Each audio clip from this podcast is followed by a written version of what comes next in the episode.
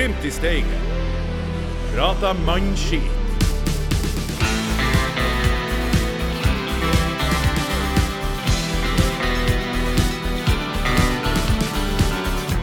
Glimt er tilbake på sporet med en overbevisende seier over Punic. Vår egen Bris har signert ny kontrakt, og Daniel Bassi har flere minutter i Europa enn hele Tromsø IL har totalt.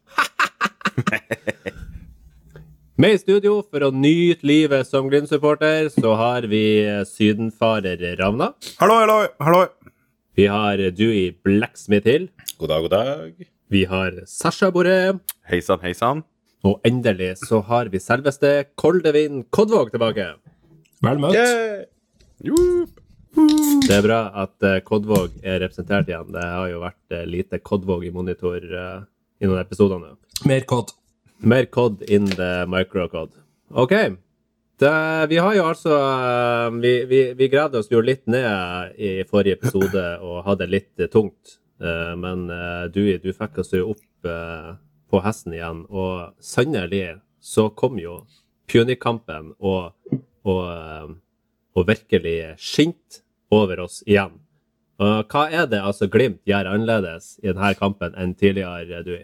Eh, jeg skal ikke skryte av at jeg eh, kunne liksom se det med det blotte øyet sjøl, men ifølge eh, diverse spillere og Kjetil Knutsen så hadde de jo en sen alvorsprat etter den Vikingkampen hvor de prata litt om hva som måtte gjøres av grep for å på en måte se ut som en bedre utgave av det Glimt vi, vi på en måte har blitt vant til å se. og da kom det vel fram at det var en, en del greier i, i strukturen, på en måte defensivt, og som de måtte ta tak i i forhold til også hvordan man, man skulle presse. Og det hjelper vel både fra fremst på banen og til bakerst, hvordan man eh, presser som et kollektiv, sånn at eh, man bruker kreftene sine på en mer økonomisk måte og på en smartere måte, sånn at man faktisk kan være det laget som til slutt ikke er dem som driver og får masse kramper på slutten av kampene, men heller være de som gjør at det andre laget får det.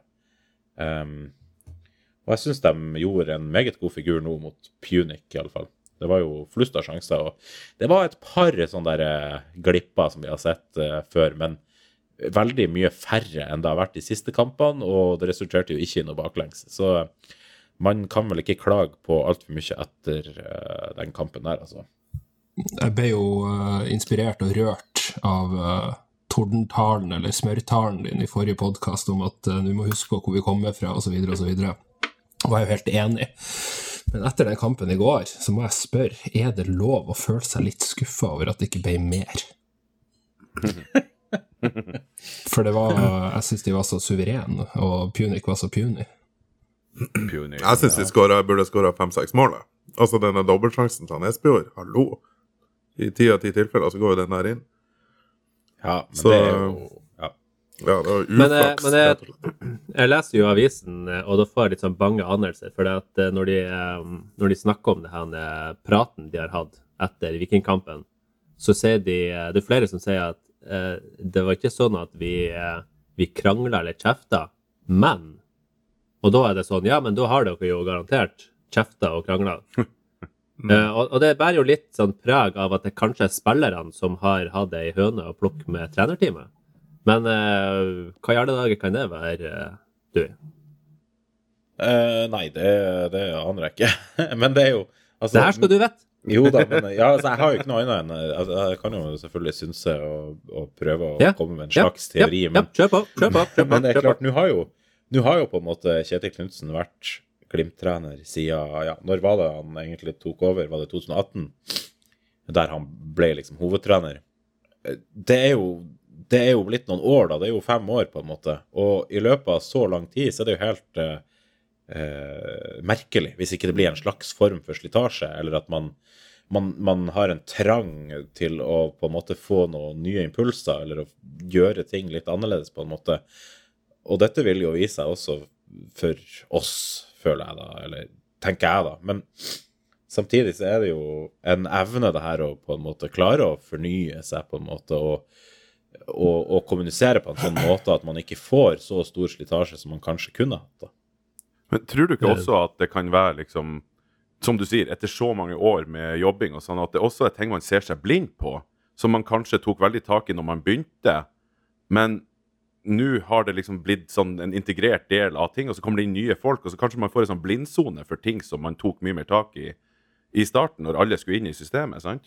Jo, absolutt. Og det her er jo også en av grunnene til at jeg tror at det er veldig bra for Glimt at de nå har fått inn eh, litt nye spillere som, som vil ha den innstillingen at det her er helt nytt for meg, det her er helt ferskt for meg, og det her er kjempespennende. Fordi at jeg tror det, sånn som nå når Gulliksen og Bassi og han eh, Petter Nåsadal kommer inn, ikke sant, så vil jo de ha en slags entusiasme som jeg tror er eh, bra for de andre spillerne. For da, får dem, da tror jeg de òg blir litt sånn farga av, av disse nye, da. Eh, Og det kan jo gi en boost til hele gruppa, tror jeg. Så jeg tror det er bra det er bra med litt nytt blod i troppen, rett og slett. Og jeg tenker at eh, om det har vært eh, Om det av og til er litt kjefting frem og tilbake, at det ikke bare er Kjetil Knutsen som kjefter på spillerne, så tenker jeg at det er helt sunt og naturlig og nødvendig. Han er jo bare en Han er bare et menneske, han er ikke en evig eh, eh, evig mester, så han, han kan ta feil, han også. Og jeg tror jeg har hørt liksom små hint om det tidligere år også, at uh, altså, Kjetil Knutsen av og til lytter til spillerne, og ikke bare driver og gir dem beskjed om hva, hvordan ting skal være. Men du, kjefting, Sasha, ja. Sasha nå sier Koldevin her at Kjetil Knutsen er bare et vanlig menneske. Er det Nei, det, det stemmer ikke. Det har vi fått bekrefta gjennom mange år nå. Den mannen er for opphøyd. Han, eh, det, han går på vann, og han har en glorie rundt hodet hele tida, og han bør få en byste i ethvert nordnorsk hjem etter hvert. ja, Men, I hvert eh, fall se på bystene i et kart. Han burde få se på hjem. i alle nordnorske hjem. Men jeg tenkte jeg skulle si at altså, Hørte dere den der Studio Glimt-livepoden? som eh, Ja. kom ut jeg ble så imponert, apropos det du sier, at kanskje de kjefter litt tilbake, eller det smeller litt tilbake. og sånn. Når Jonas Kolstad forklarer den prosessen og den praten og måten de Det han sier om at de har flat profil på det her med å snakke om hva skal vi gjøre, hvordan skal vi gjøre det, og at innspillene er viktige, som kommer begge retninger og sånn. Jeg blir, jeg blir så stolt. Det er, jo, det er jo musikk i ørene på alle som liker velfungerende organisasjoner og tiltak, liksom. Ja, Rabba, du er jo glad i å være forbanna, så det her Ja, er men vel sikkert eh, musikk i dine ører. Jeg var ikke så Nei, nei, jeg var ikke, jeg er ikke forbanna ennå. Vi kommer til det senere.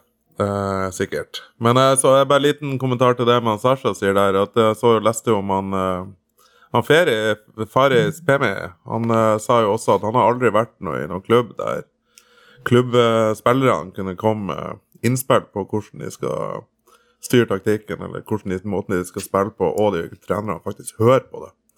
Og de endrer det, og de setter det ut i praksis. Så det er jo Man får jo reisninga mindre. Man Og så tilbake til kampen. Altså, jeg, jeg, jeg syns jeg med mitt, uh, mitt uh, amatørmessige øye så ei endring som Glimt gjorde. Og det var med han Gulliksen. Uh, eh, at han ikke spiller vanlig Glimt-ving. Han var ofte inne i den her indreløperposisjonen på høyrekanten. Og så var det heller han Bris som tok yttersida. Og spesielt defensivt så tror jeg det var veldig nyttig, for at eh, de stengte av noen sånne her, eh, rom der som jeg tror har vært eh, problematisk før, uten at jeg kan identifisere det. Så nå later jeg egentlig bare sånn. Men jeg mener jeg, jeg mener jeg så noe med Gulliksen. Det var ikke bare innsats, men det var også litt om hvor han posisjonerte seg. Men når det kommer til Gulliksen, da, så selv om det ikke bare var innsats, så var det noe djevelsk til innsats, i hvert fall. Ja. Og, og eh, det var deilig å se han ta de returløpene. Og dæven, for en intensitet og for en drive han spiller med, altså. Ja, Og, eh, og skikkelig Det, det er 120 inn, altså. Det, Ja, for jeg tror kanskje vi ser en spiller som ikke er litt så altså, Skal ikke si at uh, de eksisterende Glimt-spillerne har vært litt sånn blasert, men at uh, kanskje at uh, Gulliksen kommer med den her han, eh, eh, ekstra lille gløden som kanskje har slukna litt eh, den siste tida. Og det er jo gull. Nydelig. Absolutt. Mm. Men eh, det her var jo faktisk bare eh, del én av eh, en uh, toepisoders eh, handling. Og eh, neste kamp, den eh, går jo eh, langt bort vekk i stedet. Det er høyt oppe, det er varmt i lufta. Hva tror vi om, eh, om den kampen der, da, Sasha? Jeg er veldig spent, men når jeg så Jeg ble litt beroliga når jeg så eh, kampen på Aspmyra, for det var jo, som dere har vært inne på, det kunne fort vært seks mål til, liksom. Det var så aggressivt, deilig spill mot dem. Og at vi skulle ha Nei, nå skal ikke jeg jinx. Det var, på, det var på tur til å si at, at vi skulle ha en sånn fullstendig kollaps der borte. Det tror jeg ikke på. Det kan jo skje. Ja. Eh, det kan skje i varmen og i høyden i Armenia, men jeg synes vi så friske ut, og at vi så eh, rett og slett overlegen ut i eh, både besittelse og angrepsspill, ut ifra hva jeg klarer å se. da. Vi må jo minne våre lyttere på at i hvert fall eh, fire av fem som prater nå, er komplette idioter når det kommer til fotball. Men vi har i hvert fall én som vet litt. Men ut fra hva jeg klarer å se, da. Takk for det, takk for det, Sasha. Vær så god. Vær så god. Eh, Uansett, altså. Jeg tenker jo at, at hvis Kalmar klarte 1-2 eh, borte De tapte ja, De klarte å tape 1-2. Ja, de klarte å tape 1-2 borte Mm. men, de, men da spilte de, tror jeg, for da spilte de på en annen stadion enn oss. Og de spilte um, 1600 meter over havet, så det var enda høyere Ja. oppe. Um, Var det Og og, og i 37 varmegrader. Og de tapte bare Ja. med ett mål der. Og hvis Kalmar bare tapte med ett mål der, så antar jeg det betyr at vi vinner med opptil flere mål. Så- Men uh, Punic de var jo i gruppespill i Conference League i fjor, så det her er jo ikke noe småtterilag heller. Nei da, men uh, de møtte vel ikke Glimt i kvaliken? Nei, åpenbart ikke. Men uh, altså, sånn som jeg så de på Aspmyra, så så de ut Altså, det er sjelden at Glimt er det laget som dominerer fysisk. Ja. Men altså, de lå jo strødd som, uh, som småfugler, de her uh, Punic-spillerne, etter Altså, det, det er sjelden at Glimt vinner sånne her skulder mot skulderdueller, men at de skal fly veggimellom når uh, Patrick Berre kommer, det, eh, det var litt overraskende. ja, det var faktisk? Ja. Ja, jeg er enig. Det, det virka helt merkelig. fordi at man er vant til at Glimt er det laget som blir bølla rundt med, og så må vi på en måte hevde oss på andre vis. Men her var vi jo både spillemessig og fysisk overlegne, og det er jo ikke så veldig vanlig. En annen ting som gir meg litt trua i Armenia, det er jo at, at eh, Pelle putta i forrige kamp. Mm. Ja. Og eh, forhåpentligvis så er det noe som får rista noe litt ut av hodet hans. For tidligere i kampen på Aspmyra så hadde han vel en 100% sjanse omtrent alene med keeper, som han bare satt eh, der han aldri egentlig setter ballen. Han er jo så steike god på å få ballen opp på den sida. Så eh, jeg håper at han er i gang nå, og at vi kommer til å få se noe flott, aggressiv, eh, offensiv han hadde vel en eh, fin assist, han, eh, Den var fin. på Magne også. Yes. Så at hvis han, når får vi han i gang så blir det, så blir det Fett bra. at Gulliksen òg fikk seg nazist. Mm. Ja. Ja. Ja. En nydelig, Nydelig nydelig lag. Ja. Ja. ja, det var bare positive ting å ta med seg derifra. Men nå er det jo sånn at uh, Armenia er langt uh, borte. Jerevan er veldig langt borte, så da er det jo uh, så genialt at vi har vår egen reiseleder, geografiekspert og eh, ja, eh, vant med å, eh, å se på kart og lese dokumenter. Det er jo vår egen embetsmann eh, Koldevin Kodvåg. Kodvåg. Eh, og du skal få lov å sette i gang ei helt splitter ny spalte. Den, den. Legg bort den satans didgeridooen og pakk tannbørsten. Vi må dra. Husk tannbørsten! Glimt i Steigens reisemagasin i samarbeid med Glimt i Kodvågen. Vennskapsbygda til Botn i Steigen. Steigen. Steigen. Ja, velkommen. Vi skal på reise til Armenia, og vi skal ta den korteste veien. Så først så tar vi ei pakkliste. Dette er det du må pakke med deg. Du må ha en stor tørrsekk, flytevest, hodelykt og godt med ekstra batterier til den. En eh, kartong rød Marlboro. Penicillin nok til ti dager. Telt. Sovepose. Stegjern. Fjellstøvler som du kan feste stegjern på. Isøks. Tannbørste. Og når du får pakka alt det her, så tar du Hurtigruta til Kirkenes.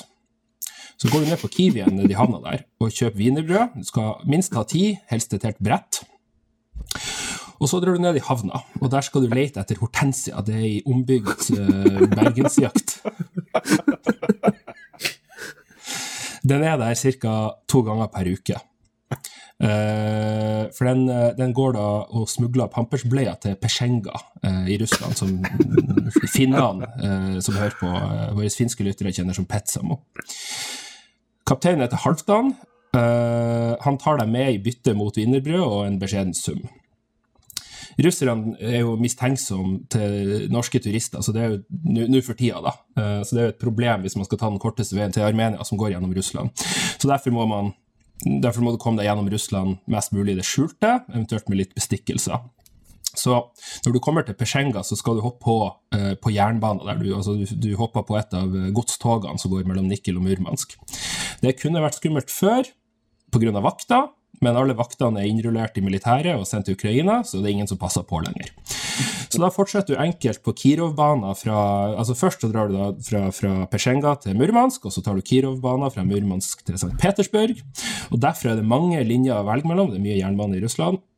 Men prøv å unngå Moskva, for der eh, kan det eh, faktisk fortsatt være noen jernbanevakter.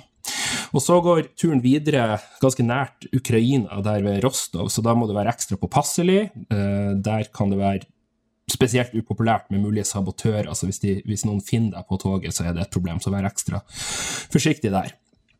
Og så, da, svinger du av mot Vladikavkaz, som er en eh, ganske stor by på nordsida av Kaukasusfjellene. Du, du kommer deg til godsterminalen der, snik deg ut på sørsida, og så skal du finne frem til Magasin Nerka, en liten fiskebutikk som ligger rett sør for godsterminalen. Og da må du finne frem til eieren, han Shamil, han er en landsforvist tsjetsjener. Du gir sigarettkartongen du har med deg, til han. Fetteren hans, Aslan Beck, han eier en Lada Niva, eh, som kan få deg transportert opp i fjellene.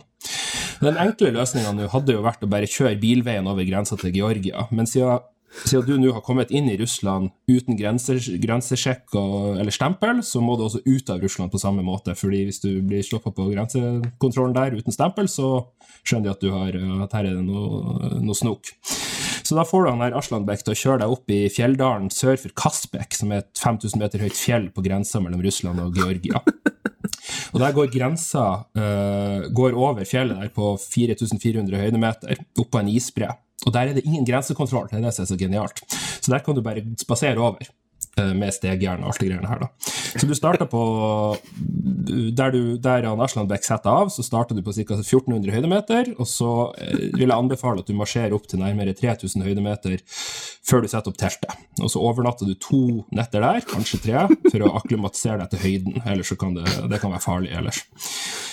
Uh, og så tar du løs på resten, da. Uh, da skal du opp og over uh, 4400 meter der over den isbreen.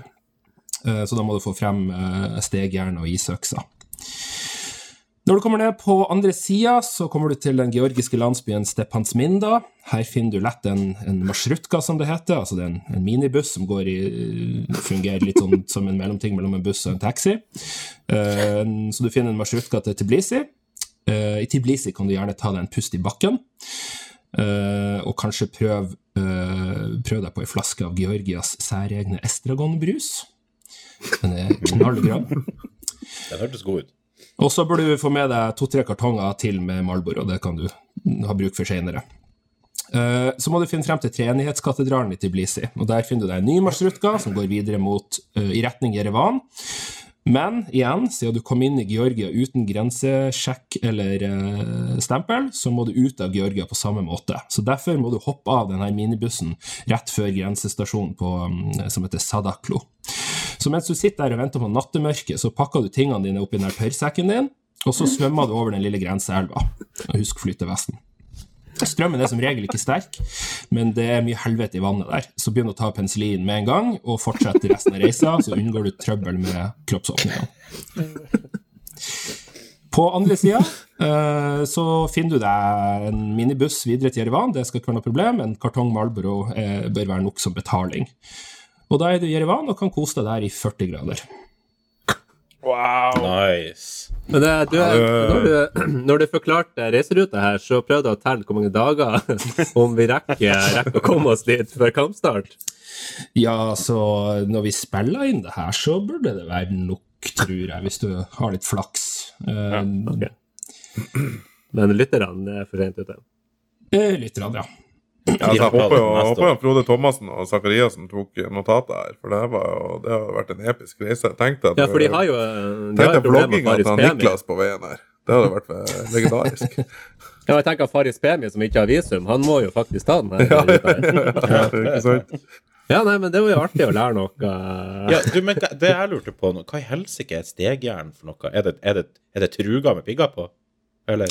Nei, det er ikke helt truga. Det er på en måte en slags sånn metallpigger som du kan feste utpå fjellstøvlene dine. Eller visse typer av fjellstøvler, de må ha noe sånn feste, da. Og da, Mm. det er det du bruker for å gå på is, da. Uh, så det er som for eventyrlysten. ekstreme Ja. brodder, ja. Det funka ikke med sånne der icebugs?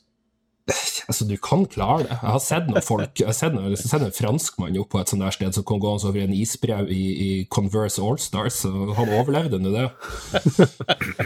Jeg sitter bare- og tenker på sånn her, en- Hvis det kommer noen nye lyttere som skal høre noe sånn produkt, sånn ikke produkt, men eh, noen info om Jerevan, og hva de står for, og hvordan laget er, så kommer vi med det her. Jeg syns det er gull.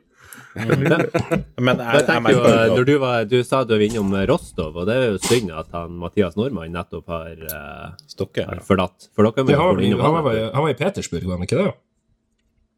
Eh, nei, Som, som, som vi også skal innom. Ah, ja. Men jeg vil, bare, jeg vil bare si det at hvis noen av dere Glimt-folk i nærmeste framtid er i Georgia, kjøp med et par flasker av den der Estragon-brusen, for den ble jeg veldig interessert i. Jeg tror vi, vi får si som så at de, som, de lytterne som klarer å sende oss ei flaske Estragon-brus eh, i posten, skal faktisk få eh, noen ølbrikker Ja. i retur. Absolutt. Det var vel kanskje derfor det var en, det var en Glimt-supporter som uh, dro før kampen var ferdig for å starte reisen mot Armenia. Så det er vel kanskje derfor at han starta så tidlig. For at eh, den reisen her, den høres ut som det, det tar ei god stund. Så lykke til på reisen, eh, Henrik Støver. Han er vel eh, kanskje over eh, noen Kaukasosfjell nå. Med tre pakker Marlboro i pakken og, Og en flytevest. og en flytevest. Ja. Mye penicillin i blodet. Nei, kanskje ikke ennå. Jeg har ikke begynt på det ennå. Nei, det er bra. Jeg håper han hører det her før han skal over den grenseelva, da. Ja. Sånn at han faktisk får i seg de her antibiotika. Og så kan jeg si at Jerevan er jo en, en, en, en artig og rar by. Det er et, uh, Armenia er et, et, veldig rart land. Det er liksom en liten sånn rest av det som før var Armenia, før tyrkerne drepte halvparten og, og tok det for sitt eget. Um, når landet er ganske Ja, da, må sånn- vi, da, må, da må vi bare ha en disclaimer til alle våre tyrkiske lyttere at uh, Koldevin Kodvåg står eh, helt holdent sjøl for det her, og eventuelle eh, sånn motangrep eller terroraksjoner må rettes mot Kodvåg og ikke Steigen. Takk. Jeg syns vi, vi skal formelt anerkjenne eh, folkemordet på armenerne. Men uh, Det Ja, skulle, skulle, skulle vi si ja eller nei? Ja, det- det. Nei, vi ikke reager på det. Nei, nei, bare la det Vi lar det, vi lar det der henge. Lytt til neste post, eh, nei, neste, neste pod av Glimt i Steigen, så får svaret på om vi går imot Nei, går imot. Hva, kan si? Kasakhstan. ja, ok. Men hvis, hvis, hvis noen av våre Hvor mange er det nå? Seks lyttere? Uh, ja, du er seks nå. Seks, Jeg ja. Uh, noen Seks. gang er i, i, i, i Jerevan, så må dere dra og se på uh, Hva de kaller det for? Kaf, kaf, Kafisian uh, Modern Art Center, eller noe sånt kaller det for. Det er en slags sånn modernistisk gjenskapning av Babylons hengende hager. hu- 100 høydemeter nedover fjellsida i Jerevan. Det ser helt sjukt ut. Ut. og, og nydelig. Hm. Wow. Uh, og, og, og Folkemordmuseet, selvfølgelig. Du er jo altså, Koldevin, du blir jo, du blir jo Glimt i Steigens egen eh, Erika Fatland, altså, med den her fortellerevnen og eh, den bereistheten. Det er jo faktisk vakkert. Jeg gleder Men, meg eh, allerede til, en- til, til, til Kasakhstan-tur, hvis det blir det. Ja, for det, det var det jeg skulle si, at nå vil jo være en nedtur hvis vi trekker det rumenske laget. For at, eh, og det er mye kult i Romania også. Jo, men hvordan kommer man seg til Kasakhstan? Det må jo være en uh, minst like humpete tur. Ja, det, det, vi får håpe at vi har bortekampen til slutt. Da. Eller nei, jeg har jo ikke noe å si. Vi må uansett reise langt, da. Jo da. Ja, Bortekampen først, det tror jeg er trukket allerede. ja ok. Tror jeg. Okay. ja. Men uh, vi skal jo ikke ta ting for uh, Det er ikke sikkert vi går videre. På forskudd der. Ja. Nei. Nei. Bankebord. Bankebord, ja. Men eh, hjertelig takk, Koldevein, for en eh, nydelig første episode av din eh, splitter nye spalte. Det her var jo eh, veldig bra, og jeg gleder meg til eh, ja, forhåpentligvis Kasakhstan-beskrivelsen. Bravo! Bravo! Veldig bra, veldig bra. da, da skal vi sette over til eh, en eh, god gammel spalte som eh, dere alle sammen kjenner til, og den eh, heter jo før Sasha oss sang. Oh, Sasha, nå har du Omar El Abdelaue-sangen klar til oss, og vi er så Eh, spent. Og eh, vi gleder oss til Armenia-kampen, eh, alle sammen. Eh, riktig det, Ruben. Det er den vi fokuserer på. Det er den vi tenker på. Vi skal tenke videre på neste ukes Armenia-kamp, og ikke på utestående arbeid som jeg sliter med å få gjort. Greit. Der, Men eh, kanskje du har noe annet? Ja, det er det jeg har, skjønner du. Jeg vil, eh, vi begynte å tenke litt, grann, eh, flere av haugene i gjengen her, og eh, da eh, begynte vi å tenke hva er slags artister som kommer fra Armenia. Og det er en god del. Vi har kjente fjes, f.eks. som Kardashian-familien, som er amerikansk-armensk. og eh, Visste dere at eh, skuespilleren og eh, mannen som er kanskje mest glad i en ring i hele verden, nemlig Gollum, Andy Serkis, eh, er armensk. Visste dere det? Mm, så det er Serkis, da. Serkisian. Serkisian. Serkisian. Ja. Serkisian. Ja. Og vet du hvem andre som jeg tror heter Serkisian, hvis jeg ikke husker feil?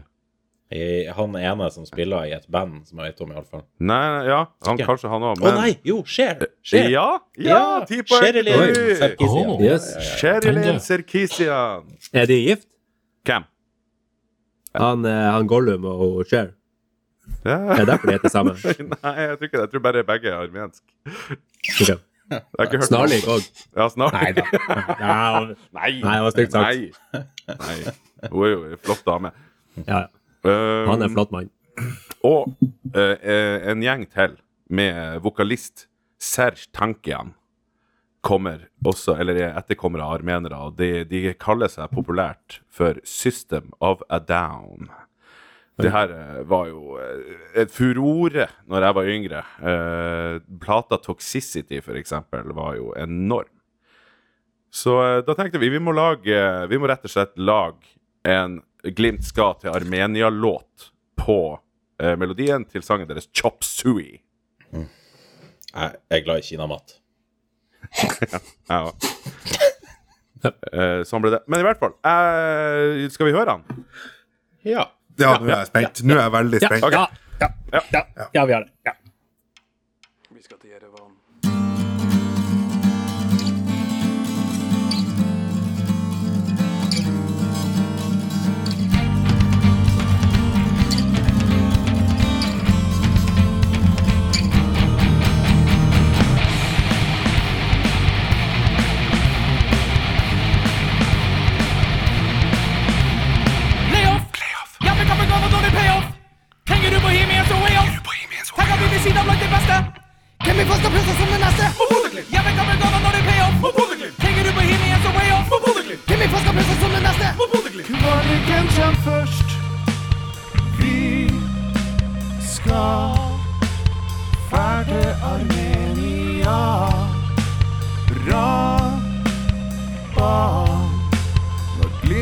Glimt skal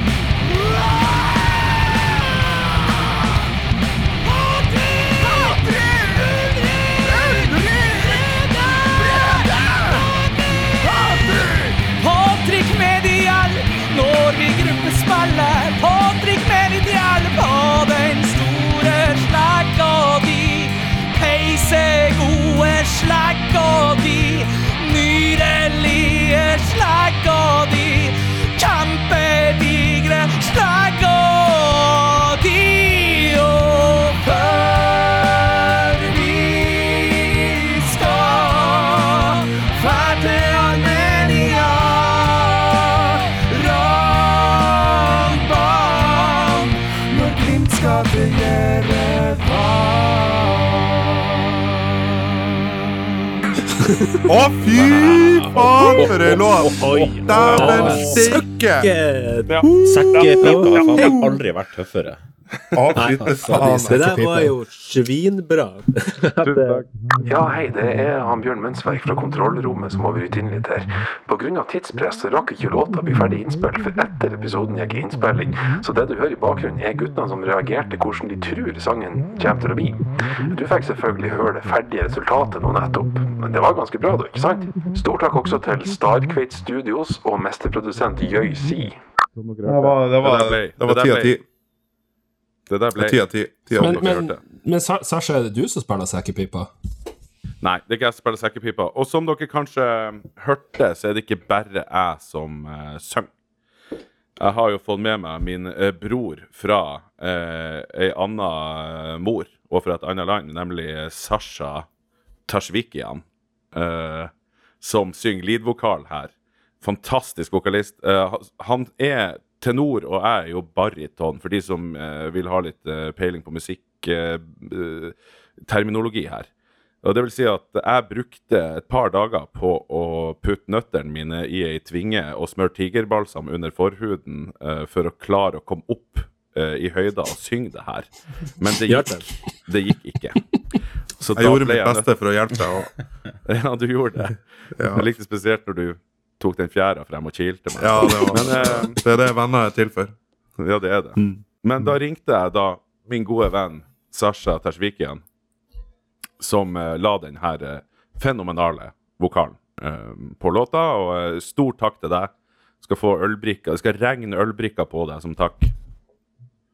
Tror dere det her er første og siste gang at Glimt møter et armensk lag, sånn at den her aldri mer kan bli brukt igjen? Kan jeg? Kanskje. Hvem vet? Så vi har hatt mye Skjalgiris, så Ja, vi har det. Ja, så kan jo godt hende at det dukker opp masse forskjellige puniker. ja. Og hvis det var noe sånn at Nei. Punic ikke vant eh, den lokale serien sin i fjor, så kan det jo hende at hvis eh, Glimt banker bordet kommer seg til noe Champions League-greier, så får vi møte et annet Ja, eller så vinner så- Punic Jo, jeg, så- noen noe statistikk om at Punic vant eh, serien i fjor, men de var rangert som 486. beste lag i Europa, og Glimt er 116. beste lag. Så det er vel eh, heller tvilsomt at eh, lag nummer to og tre havna i Conference League. Men skal aldri si aldri. Ok, hjertelig takk, Sasha. Det viser jo at du har litt arbeidsrest eh, å ta av her, så da blir det vel Omar-sangen neste gang. Den kommer, den kommer, eh, den kommer etter hvert. Ja. Så ja, lytterne må jo bare høre hver eneste episode fram til han kommer. Så. Sånn uh, opprettholder vi lyttertallene på ettsifra nivå. Ja. Ja. Folkemordavstemning og Jeg tror kanskje vi skal sette i kork i hele Ja, folkemordpraten. ja. Har ja, hatt noe avstemning? Nei, vi skulle jo være enige eller uenige i folkemordet. OK! okay. Ja, nei. Håndsopprekning. Alle som er for folkemord, nå! Yes, altså, så- Ok. ok. Ingen får vite resultatene her. Jeg tror jeg er enig med Sasha at vi setter en kork på akkurat Ja, vi setter en kork i den. Ja. Men uh, da skal vi forlate sangens verden, og så skal vi rett og slett opp en tur på tribuner. Og så eh, skal vi snakke litt om Supporterne. Supporterne. Supporterne. Folkens, det skjer jo ting eh, på tribunene, både i, eh, på Aspmyra og ellers i Norge. Men eh, først og fremst så, så har jeg lyst til å spørre Koldevin eh, Hvis det sier Erlend Osnes, eh, hva sier du da? Eh, ja, nei, jeg sier at jeg skjønner at han uh, kan være litt kontroversiell, og at noen kan Jeg synes satt og venta på det òg. Jeg satt og. Hvorfor spurte du ikke meg først? Jeg tror bare jeg Ja, har vært på- jeg tror bare jeg har vært på én kamp der han har gjort det. Han har gjort det mer enn én gang. Det holdt Ja, det satt en, sine spor. det? Det satt sine spor. Nei, men Jeg skjønner at folk syns det der er teit og, og bla, bla, bla. Og jeg skjønner at folk eh, har lest på Twitter at eh, ekte supportere driver ikke sånn, andre lag har ikke sånn uh, hausere og sånn, men det driter jeg litt i. Det jeg ser, er jo at når han kommer og drar i gang, så får han med seg masse folk som ellers ikke kanskje er så veldig mye med, og nå driver han til og med og lærer dem å synge sanger som eh, som folk kanskje ikke helt plukker opp tekstene av bare av å høre på supporterne synge. Og jeg tenker at det er en bra greie at, uh, å få folk liksom til å være litt med, og kanskje få folk til å kjenne litt på at uh, kanskje det var artig. Jeg tenker at det er ikke liksom supporterne eller J-feltet har ikke et eh, eh, monopol på liksom å, å skape stengning på stadion. De har absolutt en spesiell posisjon og en forrang, men liksom om Erlend Osnes kommer to minutter før en kamp og drar med seg noen andre og kanskje gjør noe som noen unger syns er artig, som det er en del av på, på en kamp, så tenker jeg at det må være greit. Uh, og jeg hadde egentlig tenkt jeg skulle, skulle kjefte og være litt sur om det her, fordi jeg har liksom alle kampene jeg har vært på der Erlend Osnes har kommet uh, de siste årene, så har liksom J-feltet drevet og motarbeida han aktivt og, og drevet og sabotert, og det syns jeg har vært jævla unødvendig, og det syns jeg heller bare de kunne holdt kjeft. Men nå har jeg skjønt det. Jeg var jo ikke på den siste hjemmekampen nå mot Punic, der han tydeligvis var i aksjon, og der hadde de tydeligvis klart å samarbeide litt. Så da, i stedet for å sitte her og være sur, så skal jeg bare applaudere det og si at det er kjempebra, godt jobba. Uh, veldig glad for det. Ja. Jeg må jo, jeg må jo si at, eh, at um, jeg har jo de samme, samme, tankene som det om at jeg skjønner at det kan være litt sånn her uh, kunstig og rart at en standup-komiker skal stå og liksom fyre opp publikum. Men for eksempel den her 'Dette er Aspmyra'-chanten. Mm. Er ikke det Erlend Osnes sin oppfinnelse? Tror det. Jeg har ikke, jeg har ikke hørt det fra noen andre enn han. Nei. Og, og, og den, det, er jo, det, er jo, en sånn her ting som hele Aspmyra er med på. Mm. Det er jo støtt og stadig at de setter i gang på, på andre langsida med mm. 'Dette er Aspmyra', og da er jo hele stadion med. Og høydepunktet var jo mot Vålerenga i fjor, på Intility. Ja, helt sjukt. Når eh, de tusen Glimt-supportere begynte å rope 'Dette er Aspmyra' når vi leda 5-0 eller noe sånt. Mm. Så det er jo tydelig at han har gjort, eh, gjort eh, inntrykk på Glimt-supportere og kanskje også nye Glimt-supportere. Jeg, er jo enig i det dere sier om at uh, man må kanskje finne en felles vei, uansett hva man tenker om den saken her, og gå videre. At uh, det kan være et nivå av samarbeid og dra i samme retning liksom, for å, å skape stemning. Men jeg skjønner jo også argumentet med at man kanskje vil at stemninga på Aspmyra skal være lyden av folkene på Aspmyra, supporterne, og ikke nødvendigvis noe som er et slags arrangert show. Mm. Det, det, det, jeg, jeg, skjønner poenget med det, og spesielt når vi har en voksende kultur, og det blir mer og mer lyd og, og, og stemning som blir generert på Aspmyra. Mm. Ja, for uh, han Jonny Tuck han kunne jo fint uh, ha den der uh, jobben før kamp. Det er bare gjennom mikrofonen, så Ja, han hadde fiksa det glatt, tror jeg. han hadde fiksa det uten mikrofon. Ja, ja. ja, lett. Men uh, det er jo interessant det du sier det her med om samarbeid med klubben uh, og supporterne. Det er jo en gjentagende affære. Uh, og vi hadde jo en liten prat her om bluss tidligere i år her i podden. Og nå hadde jo vært boikott i en kamp. Husker ikke hvilken kamp det var sånn på rappen, men det var i hvert fall en del som boikotta kampen i protest mot at Glimt var vanskelig å samarbeide med. Og nå ser vi jo også at, uh, at to stykker har blitt utestengt av klubben. Uh, politiet har starta etterforskning, man har ikke konkludert, men klubben har jo bestemt seg for at det er utestengelse, men vet ikke helt uh, hvor lenge. Men det er, vel, det er, vel, en god del folk nå som er blitt utestengt pga. Pyro. Og denne samarbeidsviljen med klubben. Hva, Ravna, har du noen tanker om det? Uh, nei. Jeg har ikke noe særlig uh, tanker om det. Altså, jeg er glad i pyro, og uh, jeg syns det ser kult ut, men jeg vil nå ikke fyrt sjøl når jeg vet at jeg risikerer å gå glipp av opp, opp til 20 kamper. Så nei, det er ikke har ikke så, hva, hva, hva man skal si. Altså, det er jo ja. Hva, hva, Nei, du, tror, hva du tror, Ruben? Vi, har, vi, spør aldri, vi, spør aldri, deg hva du tror. Spørsmålet er jo egentlig For det, jo, det, er jo to parter her. Og det er jo stort sett Glimt som får skylda for å være vanskelig å samarbeide med. Men eh, Men altså eh, kan, eh, kan det være så ensidig? Hva du tror du? Uh, ja. Du tror det? Nei, nei, altså det, er jo, det vil jo alltid Altså, når man har to sider av en sak, så vil det jo alltid være noen som på en måte er litt farga av den sida de er på. Eh, jeg tror klubben mener jo antagelig at eh, at det er de som har mest rett, og supporterne mener nok at det er de som har mest rett, på en måte. Og sånn, sånn vil det jo nødvendigvis være, kanskje, i en, Men i en hvor sånn vanskelig kan det være å finne, å finne felles uh, Det enighet? ikke, det burde ikke være vanskelig, men det har jo vist seg å være fryktelig vanskelig. Men, det, Men men altså, Altså, skal vi, skal, vi, skal, skal vi være ærlige på det, så tror jeg det blir vanskelig å finne gyllen middelvei for det der. For hvis, eh, hvis eh, klubben sier at det er faste områder som du kan blusse i, så kommer noen til å stå i andre områder og blusse. For det syns ikke de er greit. Nei, for det er det uh, de skal ha det opplæring, nei, opplæring, de, de skal ha opplæring fra ja, altså, De skal ha opplæring fra DSB eller politi eller brannvesen eller hva det er. Hvis, de skal, hvis de får den opplæringa, så kan de stå der og blusse. De må ha sikkerhetssone, de må ha bøtter tilgjengelig med sand og alt mulig. Men jeg tror ikke det heller kommer til å være så populært blant uh, visse grupperinger.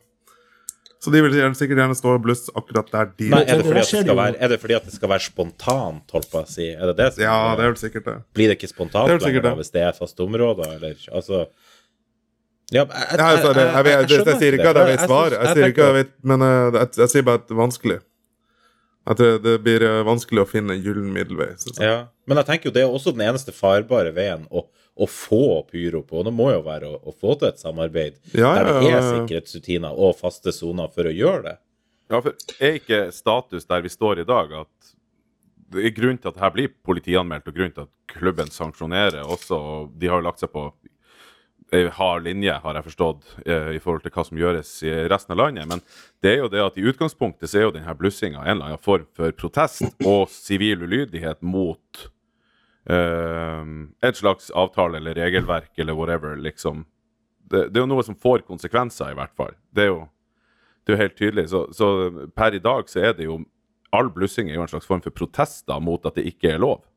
Ja, men der, men der har jeg også stussa på eh, hvorfor, hvorfor er Glimt så utrolig mye mer rigide der enn andre norske klubber? Altså Lillestrøm Ja, ja, ja. de har jo drevet og betalt bøtene til sine supportere. Eh, sånn at supporterne slipper å betale for det, men klubben faktisk tar den eh, støyten. Jeg må bare spørre, eh, altså, jeg har inntrykk av at, at Glimt har hatt ganske sånn nulltoleranse på det her, og de har ikke vært interessert i noe samarbeid på akkurat det med blussing. Det var jo det f før i tida var det jo, husker jeg jo at vi holdt på med det, og fikk, fikk holdt på med det med liksom avtalte visse steder og sandbøtter og sånt, og jeg har sett at andre klubber kjører noe sånt, og til og med de her tøffingene med, med finlandshette går og stiller seg på rett sted før de tar på seg finlandshette og fyrer opp blussene. Eh, Men Glimt har ikke tilbudt noe sånt, så, sånn har jeg forstått, eller? Det her må jo du vite, Revne. Kom, Glimt har tilbudt uh, noe no, En Altså, om de har middelvei. åpen, åpen for ei, ei sånn løsning, eller om de bare har sagt Ja, buss, nei, men, aldri la, meg bare, la meg bare se gjennom meldingene jeg har tatt med dem av Frode Thomassen her. Det var bla, det var Nei, det var ikke der, det var ikke det. Nei, du får ikke jobben. Nei, det var ikke det. Nei, nei sorry. Det var ikke, jeg har ikke hatt den diskusjonen med Glimt. Sorry. Nei, OK. Men altså, det er bare, det, bare til det også, så har jo Viking har jo også en sånn uh, ordning der du har fastsatte soner, folk har opplæring og riktignok Men de blusser nå likevel, men de har jo et mye uh, mildere sanksjonsreglement mot de som er, gjør noe ulovlig. Da. De har vel en tre-fire kamper du får i karantene. Så Glimt kjører jo det seksdoble. Ja, ikke sant? Og Glimt har jo også praktisert sånn dobbeltstraff omtrent, fordi at du får Nei, ikke sant. ikke, ikke bare blir du utstengt, men du får jo en helsikes bot også. Men det er jo ikke bare bluss. Det her har det jo vært litt med TIFO-ordning, hvor de kan få lov, lov å lage TIFO hen, og så har det vært noe sånn her eh, noe midler som Glimt skulle eh, spandere på J-feltet, som visstnok ikke har kommet. Og det, det var flere ting. Kom det vel fram etter hvert. De annonserte vel boikotten først, og så forklarte de en stund etterpå hva det var de boikotta for. Så, men, men det her er jo det her er jo en ganske liten prosentandel av de som er på J-feltet, de som er eh, på en måte lojale supportere. Så det er jo Man så jo boikotten sånn fysisk sett, så vistes den jo ikke noe særlig på feltet. Jeg tror jeg var på den kampen. Det var vel mot uh, Det var vel mot eh, uh, Altså før Bohemians. Uh, Haugesund, eller hvem faen det var for noe. Mm. jeg syns ikke det var spesielt merkbart. Det, som du sier, det er liksom det er en, det er en bitte liten brøkdel som er jævlig opptatt av det her, og som lager så jævlig mye støy om det, hvis de, Ja. får, altså, hvis de har muligheten. Og jeg synes det er så Altså, jeg skulle ønske at det var åpen for litt sånn der blussing i kontrollerte former på Aspmyra med noen bøtter og noe sånt, men så lenge det ikke er det, så det bare, jeg gidder ikke å bruke så mye energi på det. Jeg har ikke noe som helst lyst til å bruke energi på det. Uh, og jeg synes det bare Når de der debattene der går, så bare dra, sug det all energien ut fra noe som ellers er ganske sånn positiv greie med Bodø-Glimt og god stemning og gode resultater. Ja, og, og noe, noe som jeg òg tenkte på uh, i forhold til det du sier der, er jo rett og slett det at, at når det blir sånn her bråk rundt det her, så, så er det alltid to motpoler. Og etter den der kampen hvor det hadde vært en sånn um, boikott, så kom det jo selvfølgelig da enkelte fram på Twitter f.eks. som skrev at uh, i dag er det beste det har vært på feltet på evigheter, liksom. Og så har du andre som sier at i dag var det dølleste, dårligste drit eh, Det var så lite liv på feltet i dag, mye dårligere enn vanlig. Så du hadde liksom begge de to polene der, og det var jo selvfølgelig da fordi at på den ene sida har du de som er jævlig lei av alt det her bråket og styret og, og sånn, og så har du på den andre sida da de som boikotta og var ute, liksom. Og, og det blir jo jeg, tror akkurat det her nå, som nå når det har blitt en sånn her slags uh, Hvis det nå er sant, det her eh, Og det virka det jo å være, at faktisk J-feltet sang med på, på det her oppvarmingsgreiene til Osnes litt og, og sånn. Altså Jeg tror jo det er en mye mer farbar vei for å få et uh, samla felt. At man faktisk uh, bare OK, de her to minuttene som, som er nå, da lar vi i hvert fall være å, å motarbeide det som skjer. Og så kan vi heller gønne på når kampen starter, på en måte. Uh, jeg, Ja. vil, jeg ville bare fortsette litt på det han, eh, han Dewey sa her, om, om å liksom ja, bruke energien på noe positivt. For det, det, det er det jeg liksom syns skjer med mye av de her eh, merkelige, perifere, ekte supporterkranglene som dukker opp.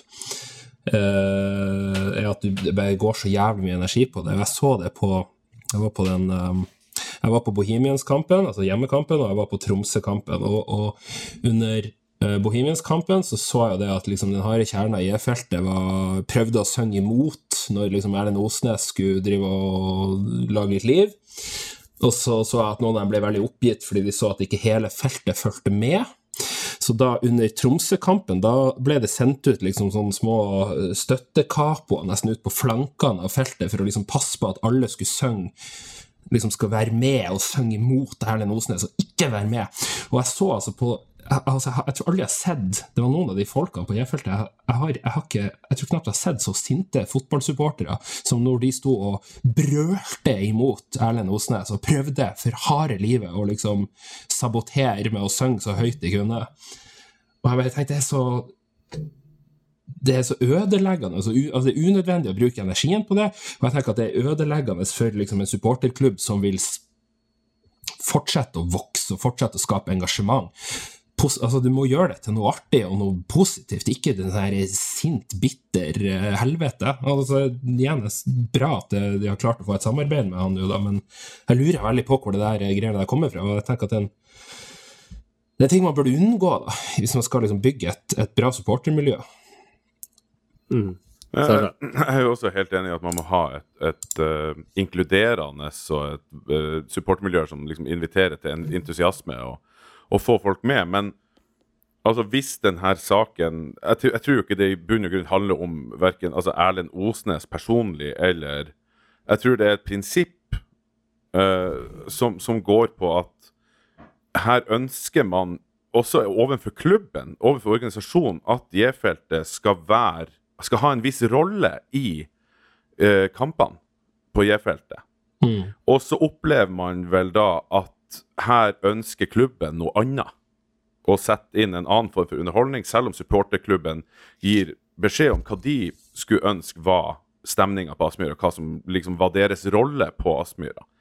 Um, så jeg, jeg tror jo at det, det handler litt om det, og, og at, man, at en aggresjon kanskje kan komme fra um, Igjen, da, å ikke føle at man blir hørt uh, for de tingene man ønsker å gjøre som supporter, og hvordan man ønsker å ha det um, på Myra. Men jeg er helt enig i at det får et veldig stygt etterspill og et veldig stygt uttrykk uh, når det blir en sånn aggressiv greie der man skal bare kjøre over. Men jeg skjønner på et eller annet sett at uh, det kan handle om alle de her tingene om der, der supportergrupperinga ikke blir hørt. da.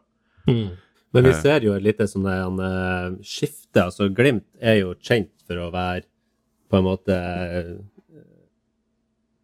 ja, en av de første i Norge som starta med supporterkultur. Og supporterkulturen i Glimt har jo alltid vært basert på god stemning, eh, humor, så folkelig eh, opplegg. Mm. Og det har det jo vært helt fram til for noen år siden. Og det er vel liksom oppveksten av de her ultrasgrupperingene i hele Norge som ja, som kanskje står for den her eh, vridninga, og, og kanskje i klubber som Vålerenga og Lillestrøm og Viking og sånt, der de har hatt eh, tendenser til sånn type supportermiljøer tidligere, så har det kanskje vært enklere å på en måte få innpass og få folk til å liksom akseptere det. Men jeg tror jo eh, at det er noe spesielt i Glimt med den historien de har, med at det på en måte blir litt kulturkrasj mellom eh, supportere som har den her folkelige, eh, godt humør, eh, Mm. tull og tøys, humor eh, Ja. ja. engasjementet der. Eh, mens det her ultras-opplegget handler jo mer om blodseriøsitet Mm. og ja, altså det er om å gjøre å på en måte se mest mulig hardbarka ut. Ja, og jeg tror kanskje de, de, akkurat der så merker jeg jo på en del kanskje litt eldre supportere at hele den her retorikken som har vokst opp med liksom at det er en veldig positiv ting i fotballsammenheng, med hat. Mm. Vi skal hate, hate klubber, vi skal hate ditten og datten, hate, hate, hat. Uh, det er for lite hat i, uh, i Eliteserien osv. Hele den retorikken der tror jeg veldig mange eldre supportere trekker seg veldig unna. Mm. Det er, det er nok en yngre generasjon med supportere som er veldig for den der er tilspissinga og, og litt knallharde retorikken. Og det, det jeg tror kanskje også blir en stor clash, er at det er jo til dels humørløst, da. Jævlig Der, eh, humørløst. Der kanskje Glimt og, og, og feltet og, og mye folk, bare sånn det er i byen, er jo og i, og i landsdelen så er jo liksom det med å, å, å ha litt godt humør og en litt artig, ironisk tilnærming til ting, kanskje litt i folkesjela, da, og litt Mm. språket. Mm. Ja. Og det er jo det her han Det har jo alltid vært sånn her han Jeg husker han Trond Olsen, han snakka vel om det på Studio Glimt for noen episoder siden, at når han spiller, så var det gjerne såpass stille på Aspmyra at det var en og to stykk som liksom ropa drit til motspillerne, og alle sammen hørte det, fordi at det var ikke noe annet liv der. Mm. Og vi har jo på en måte hatt de her han, eh, eh, godt opp i årene, kanskje eh, godt berusa mennene med kraftig røst, som eh, ikke først og fremst har vært der for å heie på Bodø-Glimt, men mest for å liksom eh, slenge skit til motspillerne, men på en sånn her han, artig måte, da. Mm. Det var der liksom rivaleriet har vært. Og det her med liksom å kaste fersklo rundt eh, hotellet, eller gi en bukett med vekkerklokke inn til oddspillere og sånt. Det er jo humor. Det er jo ikke noe ondsinna. Men man balanserer litt på en knivsegg, enkelte, enkelte som liksom Ja. Det er ikke voldelig ennå, heldigvis, men det er jo litt sånn når det er bortelag i byen, så er om å gjøre å komme seg inn på supporterpuben og dra folk ut for at de skal Ja. Vet ikke hva de skal gjøre på gata, men Tror det jeg- virker jo som at det Nå tror jeg kanskje vi også skal stikke fingeren i oss sjøl og uh, huske at uh, vi er en gjeng gamle gubber som sitter her og, og har vokst opp med Glimt litt tidligere. Og, og det her er jo en ganske ung, i hvert fall i Glimt, da, en ganske ung og ny bevegelse. og eh, Man kan være skeptisk og man kan være negativ til det, men det er i hvert fall entusiasme, og de står der og de er med. Og, så jeg tenker at vi må ha alle former for engasjement rundt Glimt må vi være åpne for å, og, og prøve å ha en forståelse for at andre kanskje ikke er supportere på samme vis som oss. Og så får vi jo håpe at man kan respektere det andre veien også. At det, går, det det at det gir og viktige. Det er det som er det viktige. ikke Men, sant? men nettopp det du ser der, er at altså, min opplevelse av det der, eh, eller den ultras-greia, er at der er det ofte ikke så veldig mye toleranse for andre måter å være supporter på. Der er det jævlig viktig å være ekte supporter på rett måte. Men jeg vet ikke, jeg tror det er mest innbyrdes, for at de står nå på felt i lag med andre supportere overalt.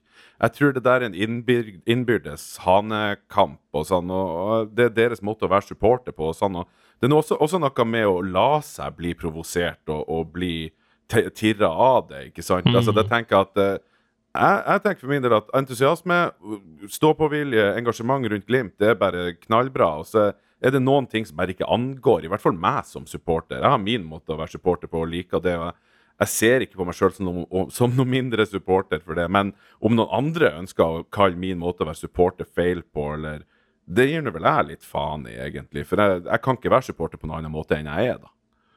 Men uh, jeg har faktisk uh, den aller første Ultras-episoden jeg, jeg kan huske. Det var på Sørfjord stadion. Da var det Mo IL som hadde tatt turen uh, og skulle spille mot Steigen sportsklubb. Og der var jo selvsagt supporterklubben til Mo IL har kjørt i minibuss. Eh, drukk siden de dro ifra Mo, som er en fire timers kjøretur, så de var jo godt berusa. Hadde med seg tromme og et par trommestikker. Og så stilte de seg jo på ytterst på eh, de borteste benkene på tribunedelen på gamle, ærverdige Saursfjord Arena. Eh, og sto og tromma og ropa hele førsteomgangen, og så var det jo pause, og da skulle man jo selvfølgelig i kiosken for å kjøpe seg kaffe. Og Husk at det her var før vi hadde bærbar kaffekanne, så man måtte bevege på seg. Mo IL-supporterne de går til kiosken, og da smetter hun Bodil i banken eh, opp, stjeler eh, trommestikkene, eh, setter seg på dem, og så kommer de her Mo-supporterne tilbake og har ingenting å spille på tromma på, så de er jo stille hele andre omgangen. Så man kan jo gjerne si at det er Bodil i banken som starta ultrasbevegelsen eh, i Norge. Ble de det aggressive? Ja, ja, aggressiv, ja. De gikk rundt og spurte hvem er det som har tatt trommestikken. Å, Ja, det Hva du tenkte Ja. Ja, nei, så hvis det er noen som har lyst til å bestride denne påstanden, så må de gjerne sende mail til uh, Ravna etter Ja. gmail.com. Men så for å konkludere, så er altså vi i Glimt i Steigen vi er, for, vi er for alle former for å være supporter på, og syns at gjensidig respekt er det viktigste. Og så må Og vi ikke. Og så må vi ikke glemme at uh, på, samtidig som vi er det, så er også Glimt i Steigen den mest anerkjente internasjonalt uh, internasjonale ultrasgrupperinger fra veldig mange artikler på uh, nett og avis.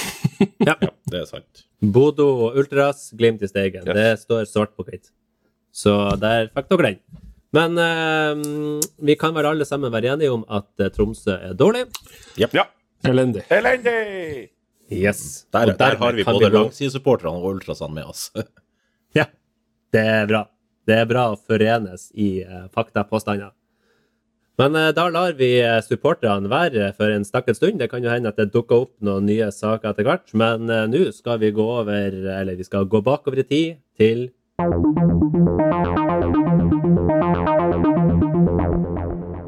Historiske glimt. I og med at Bjørn Mensverk prøvde her han sangtrikset til Sasha Boré med tigerbalsam under forhuden og strekker rundt skrukken, så kan han ikke delta i dag. Eh, veldig dårlig råd, eh, Sasha. Ja.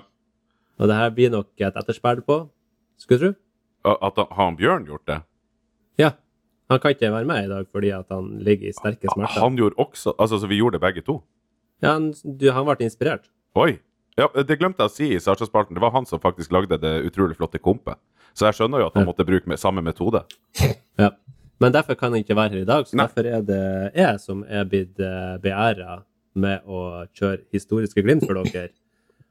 Og denne eh, gangen så skal vi faktisk eh, tilbake til eh, 1996. Eh, da Glimt eh, skulle ha en, en ny runde med europaspill. Eh, der gikk faktisk Glimt eh, rett inn i kvalifiseringsrunden før første runde. Og siden Uefa-cupen ikke hadde gruppespill på denne tida, så var det cupspill helt til finalen. Så en by for frelsere, konger og profeter. En by hvor mennesker fra hele verden kan komme sammen i bønn. En by delt mellom to stater og et symbol på uenighet og konflikt. En by full av kontraster, men også håp om forsoning. Og en by som man må reise til hvis man banker Beitar Jerusalem. Mhm. Ja, det stemmer. Den eh, 6. august i 1996 så var Glimt på plass i Davids by. Eh, saksopplysning. Altså, Davids by, det er jo Betlehem. Ja. Ja, ok. Liten fact-check der. Ja, ja, ja. Ja. Ok. Kampen det ble spilt på Teddy Stadium, pussig nok, i 30 grader. Altså bare småtterier i forhold til hva vi skal uh, ut i uka. Og foran ca. 10 000 fans. Så her er altså en europarunde i 1996, og da skal dere altså få ett minutt på dere på å gjette lagoppstillinga fra nå. Stig Johansen! Tor Egil Horn. Riktig. Nei. Cato Hansen. Eh, ja. Ev Evjen, hva faen han heter. Eh, nei. Saki Saki Håvard Sakariassen. Tor Micaelsen. Nei. Eh, Ola. Haldorsen. Jo. Tor, Ola Tor Micaelsen er der. Ola Haldorsen er Tom der. Bergersen. Nei. Ørjan Berg. Ja. Tom Kåre Ja. Eh, nei. Arild Berg. Nei. Bent Inge Johnsen. Eh, nei. Ronny Westad. Bent, Bent Inge Johnsen er der. Ronny Westad er der. Uh! Bjerk. Oh, okay. Nei. Eh, faen, da. Uh, Nei, dette Noe som er Bent Inge Johnsen. dag i dag. Har sagt det. Ja, han har sagt- Bent Inge Johnsen. Det er Fjerde gang. Okay. Ja. Nei. Uh, Har noen sagt Nei, Runar Berg? Eh, nei. Det er nummer åtte. ok. Eh, men det må jo være noen fremmede. Så har dere- Bjørkan. Ja. Oh, Der var tida Ja, ute! ok. Der fikk du akkurat oss med den. Det var faktisk ni stykk. Tok vi ni? det er ikke verst. Yes. Det er ikke Ja. verst. Ok. Men det her, er- det her er jo et lag med store legender, da. Ja, det er det. Så uh, lagoppstillinga, det var Ronny Westad i mål. På høyre back så var det, som dere nevnte, Ole Haldorsen. Eh, Midtstopperne var Cato Hansen, Bent Inge Johnsen og Stengen-legenden Tor Micaelsen på venstreback. På midtbanen sto av Runa Berg, Ørjan Berg, og den dere ikke klarte, det var Ja, det må Tommy. Tommy Hansen. Tommy, faen, Tommy Hansen. Ja, ok. Ja. Tommy, Tommy, Tommy. Og, Ja. eh, og trioen var jo et, eh, var en gjeng med legender. Det er Åsmund Bjørkan, det er Stig Hansen og Jan Derek Sørensen. som ikke nevnte. flate. Og det her klarte vi innbytteren... uten Ravna, med hans glistrende hukommelse. Ja. Ja. Eh, og på, på benken så satt han Per Ivar Steinbakk. Ah. Der satt han Raimond Hardy. Hvor var det han var ifra? Var han fra Værøy? Ah, ja, var, var han ikke det? Nei, han var ikke derifra. Han var fra, fra Mo, Mo. Mosjøen eller Mo i Rana. Mo. Rana, altså. Ja, Ravna ringte jo han. og Det stemmer, det. Og så var det Terje Ellingsen. Å, Og så var det Ja, okay. Helge Aune. Jeg skulle si Helge Aune. Tidenes kjeks, var det ikke det? Eh, Det, det vet jeg ikke. Det må spørre han. Reserve, reservekeeper, det var Tor Egil Horn. Vet dere hva resultatet i denne kampen ble? Bortekampen. 5-0 eller noe sånt, er det ikke det? Ja, veldig nært. Det ble 5-1. Og her var det altså en tremålsskårer. Hvem tror dere det var? Det Stig Johansen. Stig Johansen. Ja. Nei. Nei, Det var det ikke. det var Runar Berg. Det var Runar Berg. Han skåra 0-2, 1-3 og 1-4. Tøft. Altså tre på Ja, rappen. Ja, dette hørte jeg i Studio Glimt-podden her om dagen. Da fortalte han en historie om at uh, når de her Beitar-spillerne var i, um, i Bodø, så kom de på Bergsport og skulle ha seg sko, og da var det han som sto i kassa. Ja. Det stemmer, det. Og det er en liten sånn her en, eh, vink-vink til Studio Glimt, som snakka litt om denne kampen, så det må dere bare fære og høre på den her live-poden Ja, deres. Kan, kan jeg komme med et lite poeng der? Eller et poeng, jeg vet ikke. Jeg vil bare Ja. få det sagt. Folk som drar på, på den der sportsbaren på liveinnspilling av eh, Glimt, den, den podden der, AN-podden, ta og hold kjeft når podden går. Faen så mye kakling det er i bakgrunnen der. Det er ikke, det er ikke Parkenfestivalen. Dere kan ta og holde kjeft hvis dere er der. Du blir du så sint i dag? Ja. Ja, men da har vi fått eh, meldt litt eh, til Sportsbaren òg.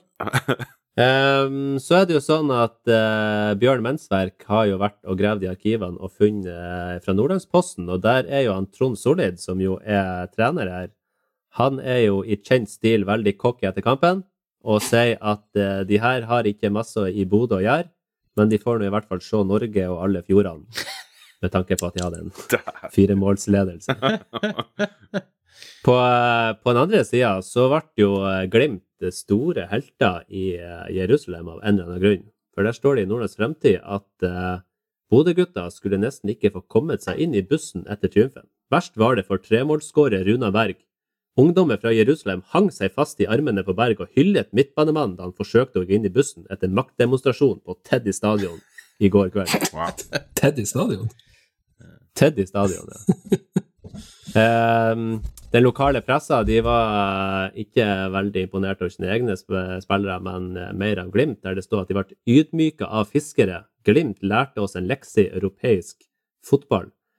Og det er jo faktisk eh, Jeg vet ikke om dere fikk med Det var kanskje her, godt halv. Men, ja, men han Paolo Di Canio, han satt jo i uh, italiensk uh, fotballstudio etter 6-1-seieren over Roma mm. og sa at eh, Bodø-Glimt var en gjeng med eh, folk som eh, sjaua laksekasser inn på båter i havna i Bodø. Men eh, Jerusalem Post de skriver om hat trick-helten eh, Ronar Barik, som ble frispilt av sin bror Arjan Barik. Og de skryter også av Jan Derek Arensson og Ronny Vostad. Så, Ah, nydelig. Ja. så eh, de var jo veldig eh, de, Det er jo kanskje en sånn etnifisering av eh, norske navn. Um, de eh, gikk jo eh, de, de, de møttes jo som sagt i Bodø. Det ble eh, hjemmeseier 2-1 to uker etterpå. Så trakk Glimt hvilket lag? Husker dere det? Nei. Uh, ne- uh, og Fiorentina. noe italiensk jævelskap, kanskje. Neida, neida. Nei, da. Nei. Tyrkisk. Å oh, ja! Galatasaray. Nei, Neida. det var de her Nei, Besiktas. Besiktas. Nei, det var senere. Nei, det var mye senere. Det var på 2000-tallet. Hva faen er det igjen, da? Vi har faen ikke noe igjen, tyrkere nå. Ja, de er ikke en sponsor, men de er en Spor. Oh, ja! Trabzonspor, ja. Trabzonspor. Ja. Og der gikk det jo ikke like bra. Der tapte vi begge kampene, sammenlagt 5-2. Og da, eh, neste runde, så røk Trabzonspor ut mot Schalke 04, som faktisk vant hele greia. Ja. Ja. Men eh, gutter, eh, da skal vi la eh, historie være historie, så skal vi faktisk til nåtiden. For før vi avslutter, så skal vi jo trekke en vinner av uh, Quizmann Pat sin lytterkonkurranse i forrige episode. Yes, Quizmind Pat. Og der var det jo altså en spiller som annet har spilt på Island, i uh, Sverige, i Bodø og i uh, Nederland. Eller Belgia. Hvor er Tvente hen, Koldevin? Det er Nederland. Nederland. Koldevin han Takk. satt dypt i tankene og tenkte på hva han skal skrive om Kasakhstan neste gang. um, da har vi faktisk um, fått inn lytterbidrag, folkens, som ikke er fabrikkert av meg. Oh. Har dere tenkt dere noe sånt? tøft! Det syns Wow. jeg er veldig sprøtt. Og eh, vi har faktisk fått eh, mer enn de seks faste lytterne våre. Oi. Hvilket vil si at eh, her er det noen som har fått nyss i at det har vært en konkurranse, sikkert. Og dermed hadde de lyst til å høre. Det Er noen som skal ha Da- gratis greier? ja, det er sikkert det. Sånn. Men da har vi altså eh, foran oss eh, lykkehjulet vårt her i studio. Ja, se Der vi Ja. Du ordna lykkehjul! Ja, det har jeg laga for dere, eh, for det her må vi jo sikkert fram med etter hvert. Eh, I tid òg. Der har jeg skrevet ned alle navnene på de som har bidratt. Ja. Og så skal vi spinne lykkehjulet, og så skal vi få lov å rope ut navnet på den som vinner. Er dere klare? Ok, Da snurrer vi. her er artig. Se på det der. Så Så fine farger. Og, og, og Der! Steffen Gangeskar! Gangeskar! Det er Steffen Gangesgaard som hadde rett, fordi at riktig svar var jo selvsagt Det var jo 100 riktig eh, svar her, og det er jo selvfølgelig vår gode venn Alfons Samsted Ja som har riktig svar. Da kan altså Steffen Gangesgaard sende adressen sin på mail eller på Twitter eller på Facebook, Og så hva blir sendt ut da, Sasha? Og da skal du få en liten konvolutt i postkassa di fylt med vakre, små ølbrikker! Yes, yes, yes, yes, yes. Og eh, er det noen som eh, ennå ikke har fått ølbrikker? Vi har vel delt ut til eh, ja, tre, fire, fem stykk nå, så det er jo én eller to som ikke har fått. Så, så, så de oppfordres jo til å lytte videre eh, med nye sjanser til å vinne ølbrikker. Ja. Og med det så er det vel bare å glede seg til kamp på torsdag. Ja visst. Eh, og for de som har lagt ut på reisen nå, eh, må jo bare høre Koldevins eh, reisebeskrivelse en gang til, sånn at dere får det helt rett nå, så dere når fram i tide. Ja, jeg, vil, jeg, vil ikke, jeg vil ikke anbefale å skru på internett mens du er på vei gjennom Russland. Det kan hende at de kan spore deg og, og avsløre deg. Da. Så vent med det til du kommer til, til Georgia. Ja. Og så må det jo sies at vi tar ikke ansvar for eh, noens skjebner på denne Nei. turen. Nei. Eh, det er i så fall Kodvåg kommune som får betale erstatning. OK, men da er det bare én ting å si. Det er nemlig Heia Glimt! Heia Glimt!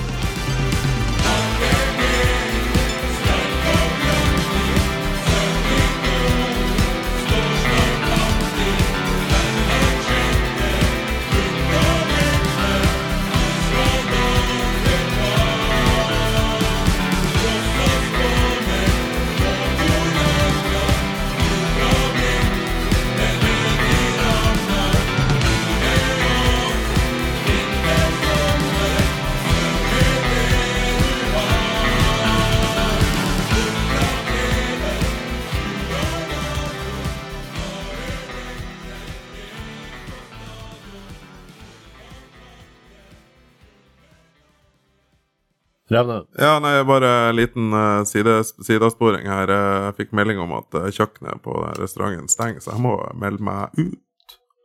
Kort og greit. Ok. Så det var egentlig bare det. Det. Jeg skulle ønske dere lykke til på veien videre. Jeg håper dere kommer til en eh, løsning som dere sender over til eh, Glimt. Alle blir fornøyd. Yep. Alle kan eh, stå og blusse akkurat der de vil, og ingen får sanksjoner. Og alle fryd og gammen, og Bodø-Glimt er best i verden. Hei, hei. Ha det bra.